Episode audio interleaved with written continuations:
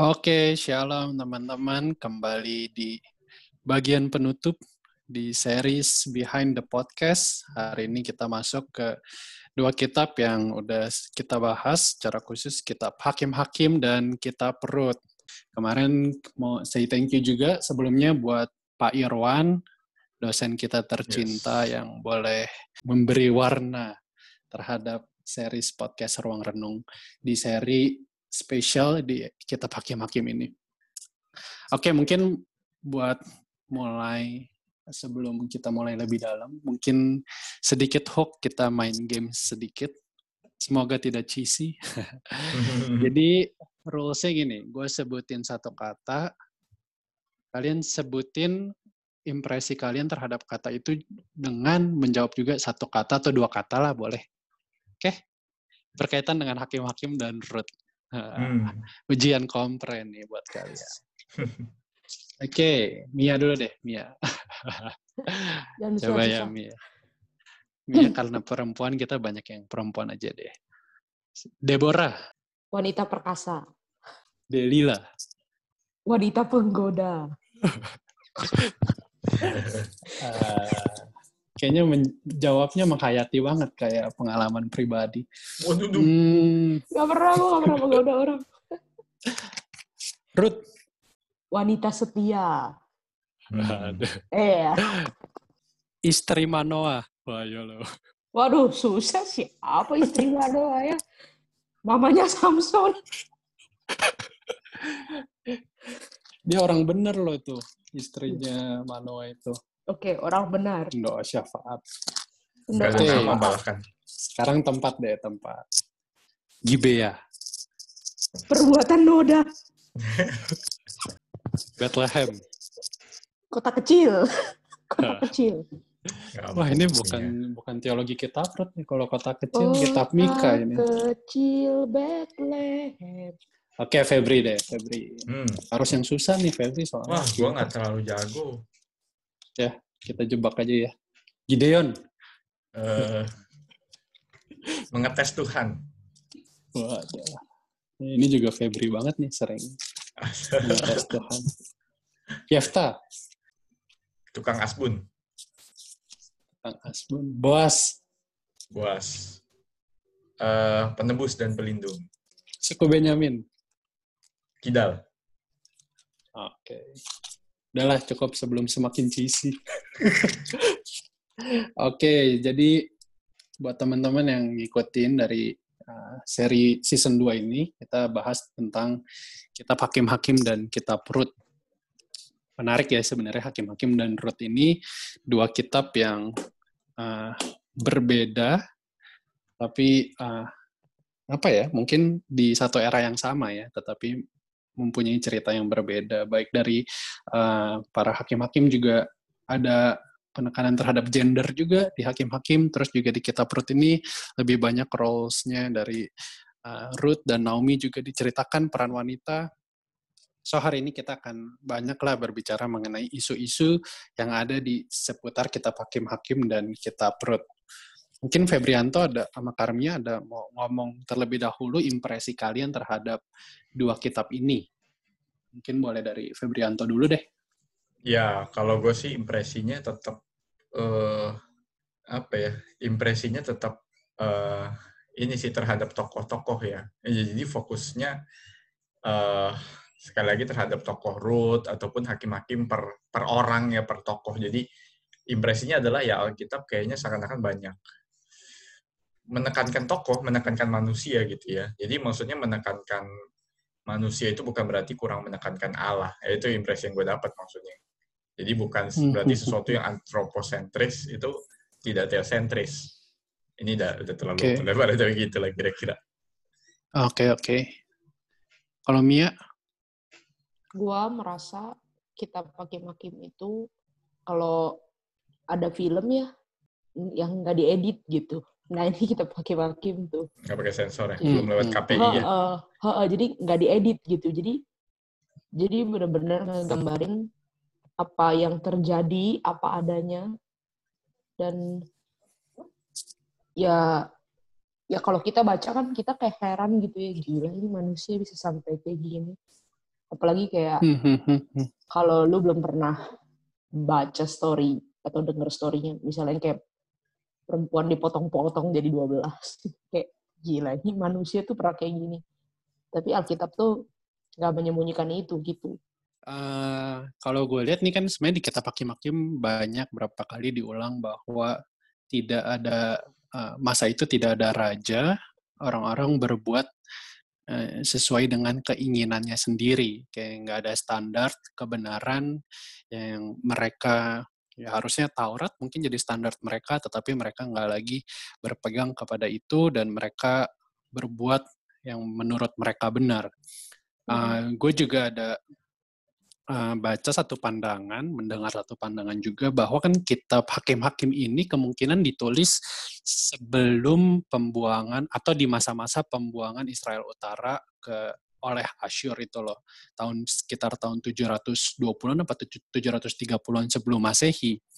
Dan sebelum-sebelum itu raja yang ber yang raja yang memerintah itu adalah raja-raja yang jahat. Secara khusus klimaksnya itu kalau misalnya ada di daerah selatan yaitu juga ada Raja Manasye, raja yang jahat. Jadi memang image raja waktu kitab hakim-hakim ini ditulis dan mungkin pada waktu dibaca juga adalah image raja yang jahat, maksudnya mereka punya gambaran image yang raja itu kurang baik gitu.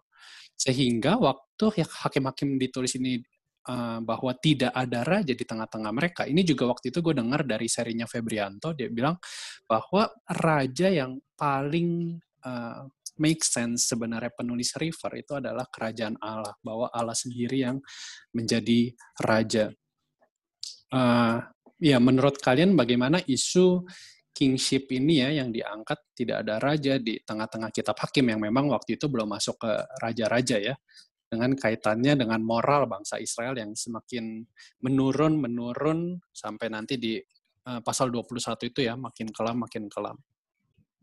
Ya kalau dari gue sih ini jadi salah satu insight ya. Ya sebenarnya gue nggak terlalu banyak gali introduksi dari hakim-hakim kayak Ruben tanggalnya atau uh, tahun-tahunnya itu itu itu paling gue yang paling agak buta ya soal itu. Tapi memang menarik kalau itu ditulis pada memang zamannya eh, raja-raja, terutama raja-raja yang jahat. Maka berarti kita melihat Alkitab itu bukan cuma sekedar konteks di dalam teks itu. Misalnya zaman hakim, zaman hakim-hakim gitu ya. Jadi tahunnya bukan soal tahun di dalam cerita, tapi tahun di mana penulis itu menulis dan mengisahkan cerita itu. Berarti kan kalau kita lihat begitu, mm-hmm. ada pesan layer yang lebih dalam atau lebih luas tentang uh, kitab itu. Jadi maksudnya fungsi kitab itu ditulis, itu punya fungsi yang sangat-sangat berdampak gitu, atau fungsi yang bahkan bisa jadi ironi atau humor yang ada di hakim-hakim itu seakan-akan untuk meng, uh, bisa dikatakan bisa dibilang untuk menyindir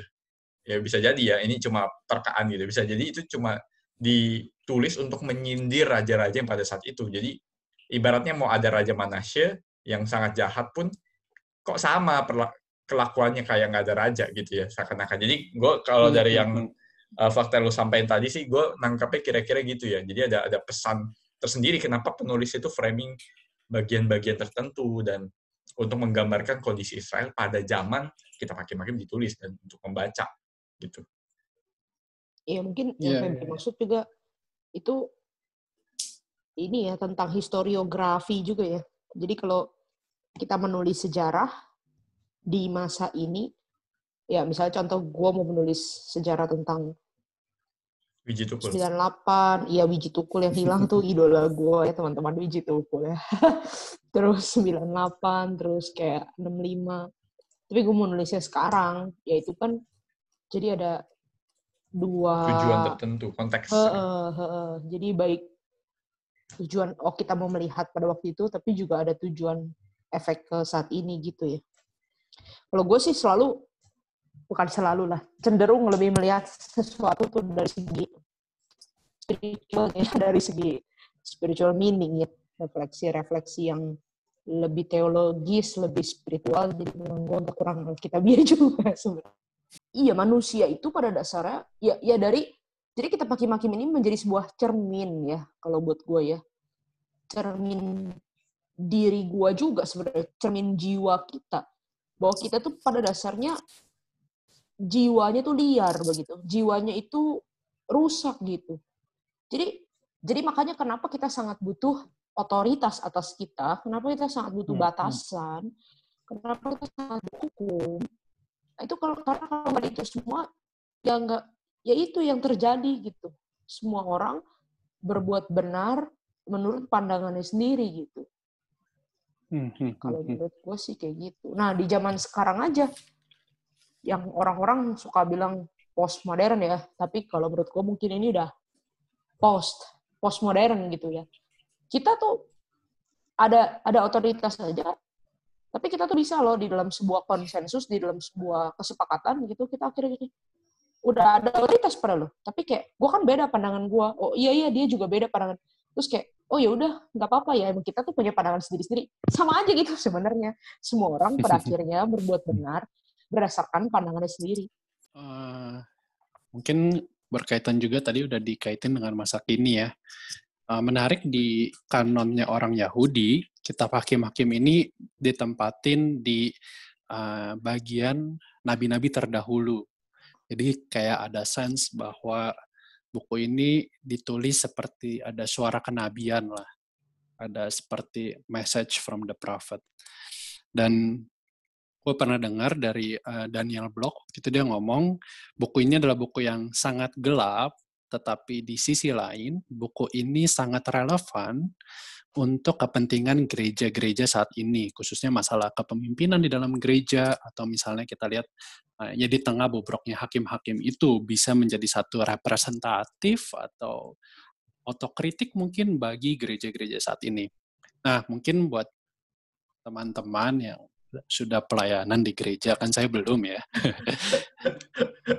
Seberapa relevan buat kalian kitab hakim-hakim ini untuk zaman sekarang lebih khusus ya, mungkin bukan masalah uh, nilai kayak tadi mungkin di, Mia udah sebut post-post modern itu kan lebih masalah worldview, tapi masalah mungkin isu leadership di dalam gereja ya, atau mungkin di dalam komunitas orang percaya, baik institusi ataupun komunitas-komunitas yang ada. Mia deh duluan justru kalau gue lihat sangat terlibat ya kayak ada seorang ahli kepemimpinan namanya Pasan Senjaya itu dia pernah beberapa kali dia ngomong di dalam bukunya atau seminar-seminar dia gitu bahwa krisis salah satu krisis kekristenan zaman sekarang itu adalah kurangnya pemimpin yang godly godly gitu lack of Hmm. godly leaders gitu kalau menurut si Pak Senjaya ini ironis sekali ketika banyak manusia, banyak orang Kristen khususnya juga nggak menghidupi panggilan leadership itu gitu. Misalnya ya kalau kalau dia cowok dia menjadi misalnya cowok yang lemah begitu ya misalnya yang yang nggak mau mengambil keputusan atau di sisi lain justru menjadi tangan besi gitu.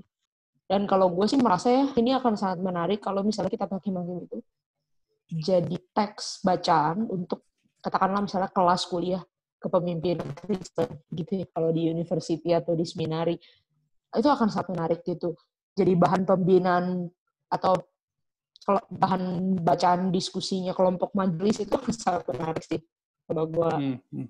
gua lihat sih Ya, ini ya. sangat menarik juga sih kalau ini dibaca secara komunal itu akan jadi seperti apa dan uh, dinamikanya akan jadi kayak apa ya benar sih di kelompok kecil dan juga di ya pemimpin-pemimpin gereja mungkin ini akan jadi eh, apa ya pembacaannya akan akan akan menarik gitu loh tahu Iya, kayak dia gimana lihat ya dari sisi apa dia lihat dari sisi apa gitu itu Ya. menarik banget ya tapi sekaligus jadi kayak menurut gue sih ya jadi kayak justru malah jadi eh, apa ya eh bisa jadi sangat menarik karena bisa membawa leader-leader gereja itu justru untuk eh bisa berefleksi diri gitu loh sebagai leader.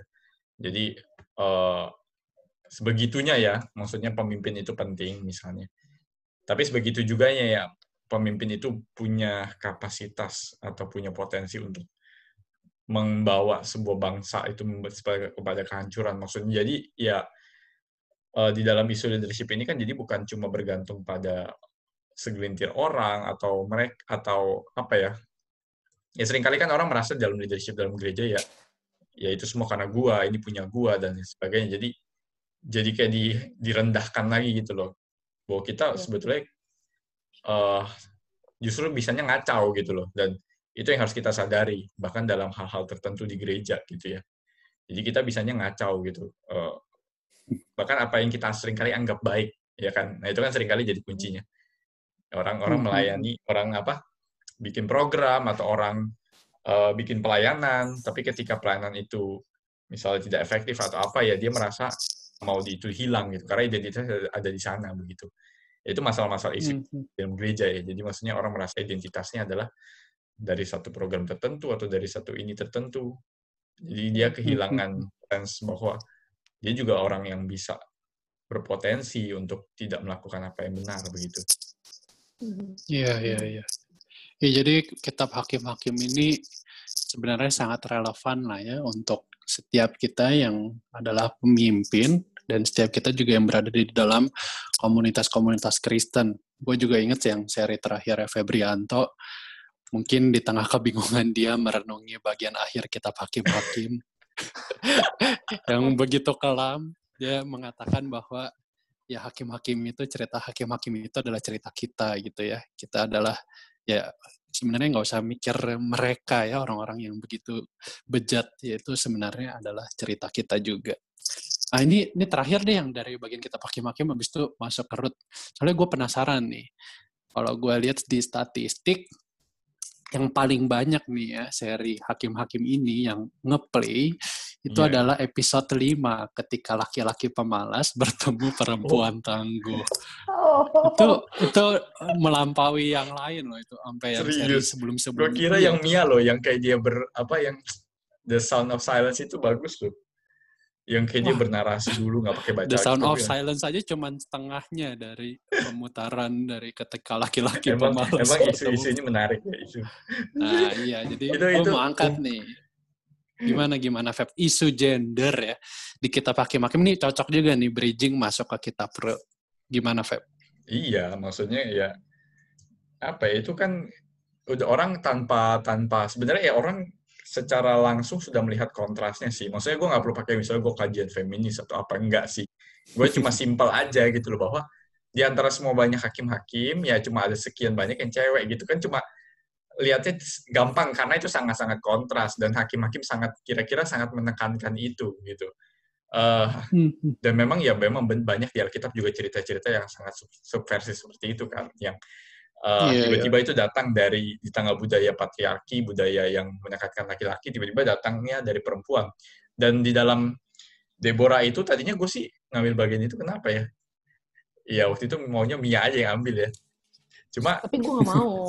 Tapi gue gak iya mau. iya karena karena jadinya ya udah memang pasti yang wanita ya merenungkan wanita ya begitu kan jadinya kira-kira Iya. kan ya tapi ketika gue renungin ya menarik karena kontras banget kontrasin begitu gue kan sama kayak Yohanes ya gue melihatnya selalu tokoh gitu kira-kira kira-kira Hmm, hmm. eh Deborah kontras dengan Barak-Barak yang males yang nggak mau berperang eh si Deborah mau yang malah dia yang gagah dia yang eh, hebat lalu eh, itunya si si Sera siapa? Prajuritnya yang dibunuh Yai- si Sera ya? Ya, ya, ya, Atau- ya, si Sera prajuritnya yang dibunuh. Ya, Yair bukan itu. oh ya itu kan hakim hakim lupa jadinya. Siapa hakim aduh jadi lupa itunya. Yair yang ngebunuh bukan? itu Yael. Ya, oh ya. ya. oh si Sera bener si Sera si Sera anak buahnya si Yabin Jadi teman-teman sebelum si Febri sama Rick lanjut nih, gue mau kasih highlightnya di bagian ini ya. Nggak apa-apa kalau lu baca Alkitab terus lupa-lupa ayat, lupa-lupa teks, nggak apa-apa teman-teman itu manusiawi. Yang penting lu baca aja terus gitu. Nanti Roh Iya. Kudus akan menolong. tujuannya bukan apa nama Iya. Tole, tole lege ya Mi ya. Tole Iya. lege. ya. Jadi lu jangan berpikir kayak ah gue baca Alkitab juga nggak ngerti-ngerti ah udah gue nggak usah baca gila lu pikir kita bikin ruang renung terus kita ngerti Alkitab enggak juga saudara-saudara iya. Bener udah Nah, lanjut lanjut. lanjut ya jadi back maksud to intinya the topic. Eh, eh, intinya gampangnya adalah ya gue melihat eh kontras yang amat luar biasa gitu kan. Hakim-hakim ini salah satunya kan unsur humor tapi juga ironis gitu ya. Humor yang ironis gitu ya salah satu perangkat sastra yang gue tangkap karena gue juga teliti soal Ehud kan. Di mana itu ada kesan-kesan lucu gitu ya tapi kesan-kesannya ironis gitu kayak satir gitu loh Dan Hmm, hmm. seakan-akan dalam bagian ini juga banyak sindiran gitu. Deborah parah cewek, cowoknya kayak nggak nggak produktif, nggak bisa, ceweknya yang malah maju. Sama di pas si Sera itu si Seranya nggak berdaya si prajurit itu. Si, eh, si Sera yang kabur nggak berdaya, terbaring lemah di kemahnya orang aduh siapa lupa lagi nama istrinya si eh pas suaminya si Yael itu. Suaminya si Yael itu cuma disebut namanya, dia nggak ada di scene sana. Tapi malah istrinya yang ibu rumah tangga yang mungkin tangannya udah kuat jadi Hmm, bisa hmm. matok ke pelipisnya Iya, iya. ke tanah. Tapi jadi itu jadi- ayam soalnya. Iya. Jadi dari Deborah sendiri Tuhan akan menyerahkannya ke dalam tangan seorang wanita. Eh benar si Yael. Jadi eh jadi seakan-akan itu sebuah kontras begitu loh. Jadi eh, dan gue melihat perspektif seperti itu. Ya eh, Hmm, nggak hmm, perlu hmm, pakai kajian feminis sih. Cuma maksudnya itu sebuah surprising truth gitu loh buat orang-orang yang membacanya pada saat itu. Karena ya mungkin budaya kita cenderung untuk merendahkan orang, tapi orang itulah justru yang Tuhan bisa pakai gitu. Jadi Oke, Eh, oke. itu sih ya mungkin mungkin judulnya memang agak provokatif ya lagi-lagi pemalas untuk berbuat tangguh gitu ya Ini lu ngomongin Deborah apa eh ya dan dan dan dan ya tadi pas lu ngomongin Deborah gitu gue tiba-tiba langsung kepikir ini menarik nih kalau lu mau bikin paper penelitian ya Waduh. meng- meng- mem- apa membaca Deborah dan Maria gitu. Jadi misalnya nyanyian Deborah dan nyanyian Maria karena bukankah Tuhan bilang ke Deborah itu kan Hmm, ya hmm, hmm. musuhnya diserahkan ke tangan perempuan. Tapi di kitab kejadian juga dikatakan keturunan perempuan ini gitu. Jadi Perempuan. musuh Ah, Allah ah. itu diserahkan ke tangan keturunan perempuan gitu. Jadi, mungkin bisa dibuat tuh. oh iya iya betul mau. dan memang sudah eh, kalau nggak salah sih ada gue kayaknya pernah baca deh memang ada ada kesan itu wanita yang rendah tapi dipandang jadi ditinggikan oleh Tuhan gitu ya. Itu ada nyanyian itu kan mirip nyanyian Musa. Kalau ini lebih mirip dengan nyanyian Musa sih nyanyian Deborah. Mungkin lebih lebih mirip dengan nyanyian Musa. Tapi habis itu bisa kaitan dengan nyanyian itu Maria. Oke, kita langsung aja masuk ke kitab Ruth. Dan Ruth satu ini kan Karmian yang bawa. Gue lihat sih benar-benar Ruth ini kayak plot twist dari kitab Hakim-Hakim.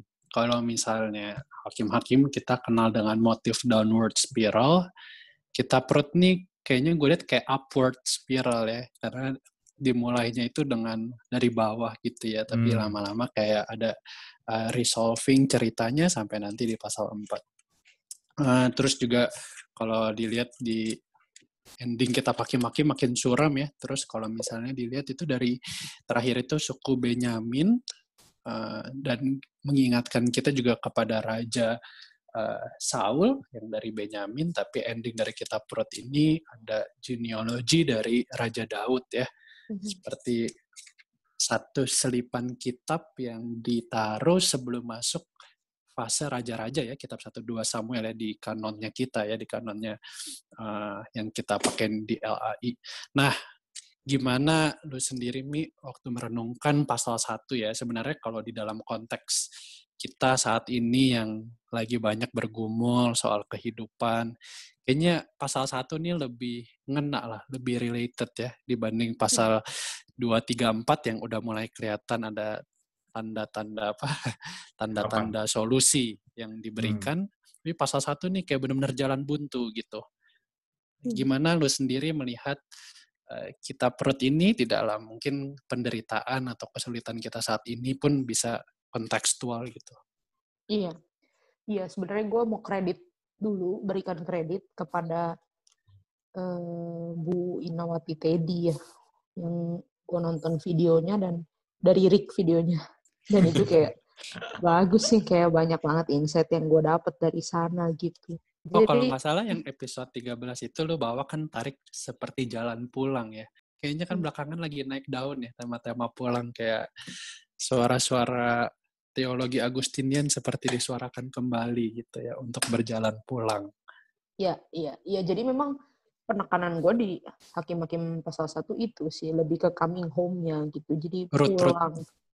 Oh sorry, iya Ruth pasal satu. Iya, ya, jadi motif pulang itu apa menjadi seperti sebuah jadi kayak ibaratnya digelar karpet merah untuk menjalani lintasan cerita selanjutnya gitu sebagai lintasan cerita jadi kepulangan itulah yang akhirnya membuat Ruth dan Naomi itu bisa menata kembali hidup mereka dan Tuhan itu memulihkan gitu. Nah, ini kan cerita Ruth ditulis dari kacamata Naomi sebenarnya penceritaannya itu Naomi di pasal satu itu kan dia bilang e, ada yang namanya ada ada seorang seorang Israel namanya Elimelek itu kan sebenarnya perspektif Naomi gitu yang dipakai untuk menceritakan ya sebenarnya keluarga ini telah mungkin mereka cari kalau bahasanya Bu Inawati itu cari jalan pintas gitu.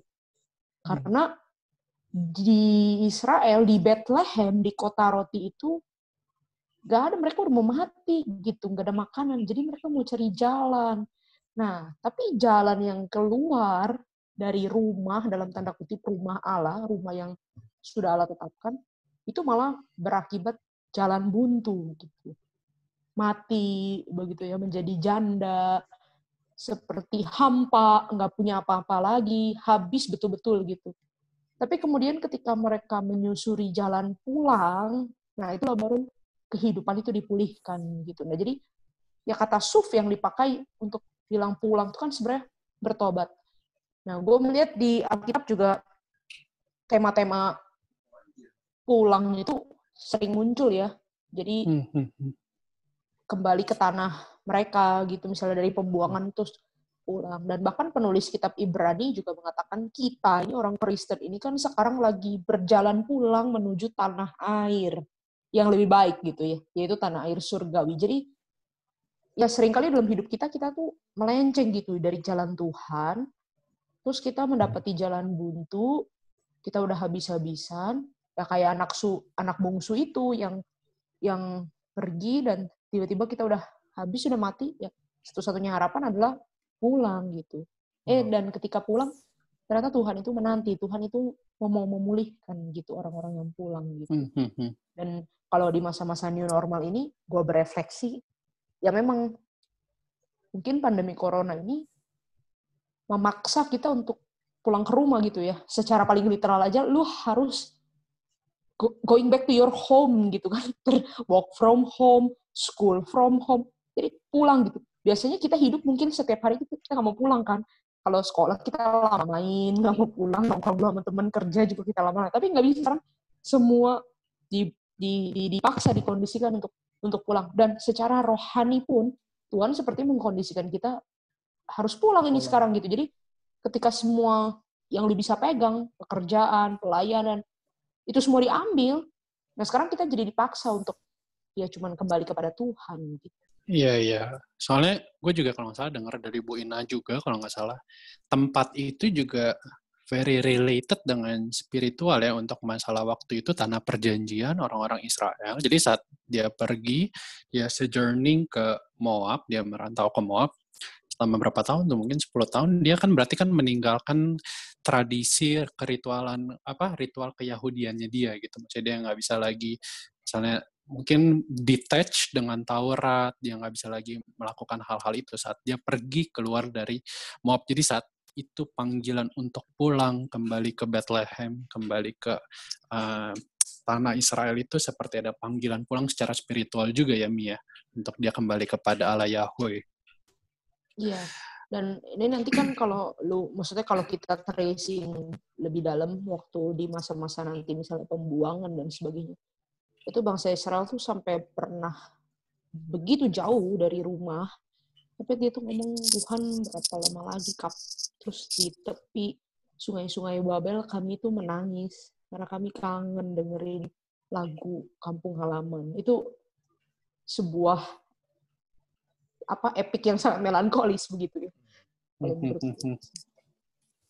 Oke. Okay, jangan uh... sampai jangan sampailah kita tuh harus maksudnya jangan sampai kita harus terpuruk sampai sebegitunya baru kita pulang kepada Tuhan. Tapi memang kadang mungkin harus begitu caranya. Kalau enggak kita nggak pulang. Nggak pulang-pulang ya. kita move ke terakhir deh nih chapter 2-3 ya. Kan tadi lebih penekanan Ruth Naomi. Ini kan seri yang dibawa nama Febrianto ya tentang Boas ya, penebus ya. Kalau bahasa Ibraninya Goel. Ini uh, waktu itu Febri kasih judul di bawah uh, pelukan sayap Allah karena gambaran si Ruth juga mau berlindung ya di bawah sayap Boas ya seperti ada gambaran jadi Boas ini satu representatif daripada Allah. Kaitan apa ya? Kaitan dari perjanjian lama masalah penebus ya Goel ini ya. Dan kaitannya dengan perjanjian baru, kita tahu Kristus juga se sebagai penebus um, ada relasinya nggak? Konsep yang maksudnya Allah bikin ya konsep penebus di bangsa Israel ini untuk seperti ada motif yang akan datang baik itu mungkin Kristus atau mungkin nanti di langit bumi yang baru bagaimana mungkin ada apa motif penebusan yang kita mungkin yang gambaran seperti Ruth dan Naomi ini bisa di redeem redeem ini kan sebenarnya bahasa yang cukup abstrak ya kita di restore kembali. Nah menurut lu gimana waktu merenungkan khususnya role Boas ini dalam kaitannya dengan kita sebagai orang percaya yang juga ditebus gitu? Iya, jadi kalau gue lihat, tapi kalau bahasa pengorbanan Yesus memang paling dominan di persembahan apa perjamuan Paskah memang itu itu gambaran dominan. Jadi uh, kalau penebusnya itu yaitu dengan korban. Nah, itu kan itu memang yang paling dominan di PL dan yang berkaitan dengan PB secara langsung. Tapi kalau yang Boas ini apa? Ini kayak personifikasi gitu loh. Jadi kayak penebus, tapi memang ini dalam bentuk pribadi begitu. Jadi kalau kalau korban kan ya substitusi ya orang sering kali kaitinnya kan, ya kambing, eh domba gitu diwakilin. Tapi kali ini seakan-akan kayak pribadinya langsung gitu. Ada ada kesan seperti itu si Redeemer itu kan itu kan orang yang masuk ke dalam covenant juga gitu uh, orang hmm. ya bagian dari keluarganya saat harus dari iya, iya. kaumnya yeah. begitu jadi yeah. Iya. uh, ada kesan dari kaumnya dan juga itu pribadi itu dan uh, ya ini ya gue gue dapat sangat banyak sih ketika boas ini gue melihat kok banyak kesamaan tema maksudnya Tuhan yang ngajak kita berlindung di bawah sayap naungan sayapnya gitu ya kan itu ada di Mazmur ya kalau nggak salah atau di kitab nabi-nabi ya gitu ya ketika puisi ngomong gitu. Jadi Allah yang ini sama seperti yang mungkin kalau mau dikaitkan dengan Mia yang pulang, yang soal pulang itu itu adalah seperti seorang bapak itu yang yang menerima kembali anaknya. Jadi ketika Ruth itu seakan-akan pulang dan tanda kutip walaupun dia adalah seorang yang dari uh, Moab begitu ya orang yang sudah hidup sebagai bangsa yang asing identitasnya hidup sebagai orang kafir dia kembali dia menerima identitas yang baru di bawah dan disambut kembali oleh siapa? Oleh oleh Allah sendiri begitu. Jadi ketika uh, dia dia mau menaungi menebus dan menaungi di bawah di bawah sayapnya di, diulang sebanyak dua kali begitu. Jadi kesan pulang dan diterima kembali bahkan ditebus dan di uh, dipeluk gitu di dirangkul kembali itu itu kesan yang ada jadi nyambung juga dengan yang Mia sampaikan gitu. Iya iya. Mungkin kalau boleh sharing dikit juga karena kan waktu itu gue skripsi kan tentang tahun Yobel dan tahun Yobel juga ada motif penebus motif Goel ini. Jadi gue sempat bahas juga. Memang menarik sih bahwa bagaimana konsep ini udah ada sejak lama sudah dibikin di dalam regulasi bangsa Israel yang Tuhan tetapkan. Gambaran penebus itu seperti merestore ya, membalikan kembali keadaan bangsa Israel yang semestinya, yang seharusnya tanah-tanah dibalikan, dia harus mendapatkan haknya kembali. Kalau misalnya dia nggak bisa, teman yang terdekat, eh sorry, saudara terdekatnya, kaumnya itu dia harus meridim ya istilahnya mereka harus menebus orang itu supaya dia ya bisa diambil lagi sama Eh, sukunya sama kaumnya dia bisa balik kembali dia bisa mendapatkan tanahnya kembali.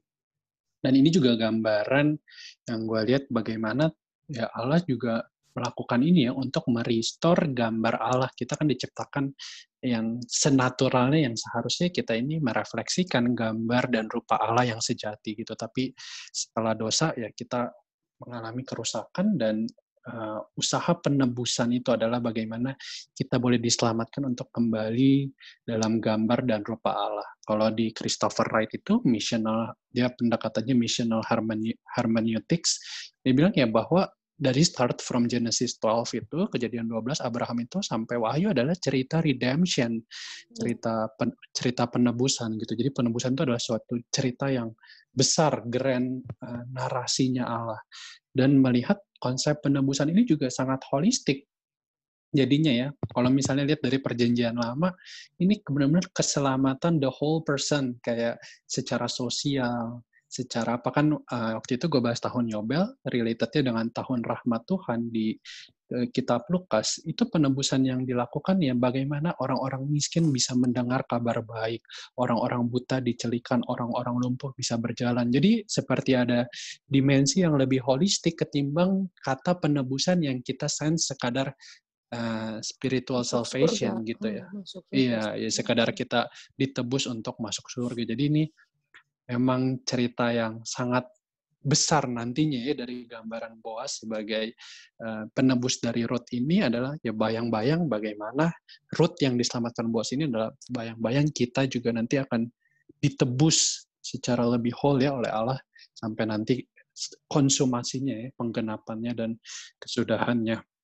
Dan Oke jadi uh, perempuan ya, maksudnya iya mm -hmm. menariknya itu Ruth itu kan um, perempuan ya, feminim ya. Jadi jadi ya gue malah melihat secara teologikal itu kan gambaran Kristus yang menebus gereja sebenarnya. Oh iya. Yang juga feminim juga gereja itu kan selalu dikatakan si ya, the bride mm -hmm. of Christ. Ya jadi buat teman-teman yang belum baca, saya baru dengar-dengar doang, kita sangat rekomend sekali ya untuk membaca dua kitab ini, kitab hakim-hakim dibarengi dengan kitab Rut karena besar kemungkinan masih di satu era yang sama dan bagaimana dua kitab ini yang tadi kita sharing juga sudah sangat memberkati kita di dalam konteks kita secara khusus di masa sekarang, dalam konteks kita sebagai orang percaya dan uh, orang Kristen. Ada mau kasih kalimat penutup mungkin Karmia atau Febrianto boleh? Ya di dalam kegelapan yang paling gelap sekalipun Tuhan itu nggak meninggalkan umatnya gitu. Febrianto? Iya, uh, sama sih. itu jadi kangkung, ya semua. Gue jadi black. tapi ya, tapi ya uh, kalau buat meng, bukan mengimani ya, maksudnya melihat bahwa Tuhan itu justru ditemukan di dalam kegelapan hidup kita. Itu bukan berarti itu hmm. alasan untuk hidup, bukan berarti itu alasan untuk hidup dalam kegelapan.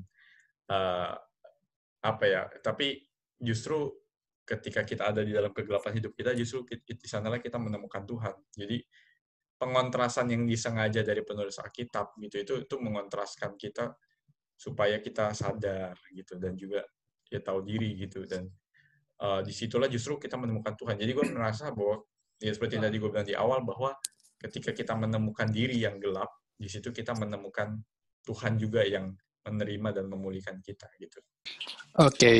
kalau dari gue cerita hakim-hakim dan Ruth ini tidak terlepas daripada kedaulatan Allah yang mem, apa ya, yang sudah membuat kisah bangsa Israel khususnya di masa ini itu berada ya tetap di dalam tangan Allah di dalam tangan kedaulatan Allah. Dan jangan menggambarkan kedaulatan Allah itu seperti sesuatu yang tiranikal atau sesuatu yang otoriter yang menentukan. Tapi kalau dilihat dari hakim-hakim dan Rut justru kedaulatan Allah itu mengafirmasi kasih karunia Tuhan yang masih mau memakai orang-orang yang lemah, memakai orang-orang berdosa, bahkan di setengah penderitaan pun itu Tuhan lagi seperti bahasa gue di episode yang terakhir Rot itu ya Tuhan seperti lagi merajut satu kisah yang indah ya, kisah penebusan yang sampai nantinya di pasal 4 itu uh, keturunan daripada Naomi dan Ruth ini adalah nenek moyang daripada Raja Daud, raja yang sangat diagungkan oleh bangsa Israel. Oke, okay, thank you sekali lagi buat uh, Febrianto dan Karmia. Thank you, thank you. Uh, thank you. Terus doakan kita juga ya di dalam kita masih optimis untuk masih mau melanjutkan kembali ke season 3 mudah-mudahan ada lagi season 4. Season 3 kita akan mau kasih disclaimer sedikit, Feb. Iya. Jadi kita akan membahas dari minor prophet atau kitab nabi-nabi kecil. Ya, itu berarti dari Hosea sampai Maleaki. Iya, rencananya mudah-mudahan selesai sampai Maleaki. Tapi ya kita tetaplah step by step. Yang pasti selesaikannya sampai cuman mungkin nggak tahu kapan. Oke deh. Thank you okay. ya sekali lagi untuk Febrianto Mia. Kita see you di season selanjutnya. Thank you. Bye semuanya. Bye.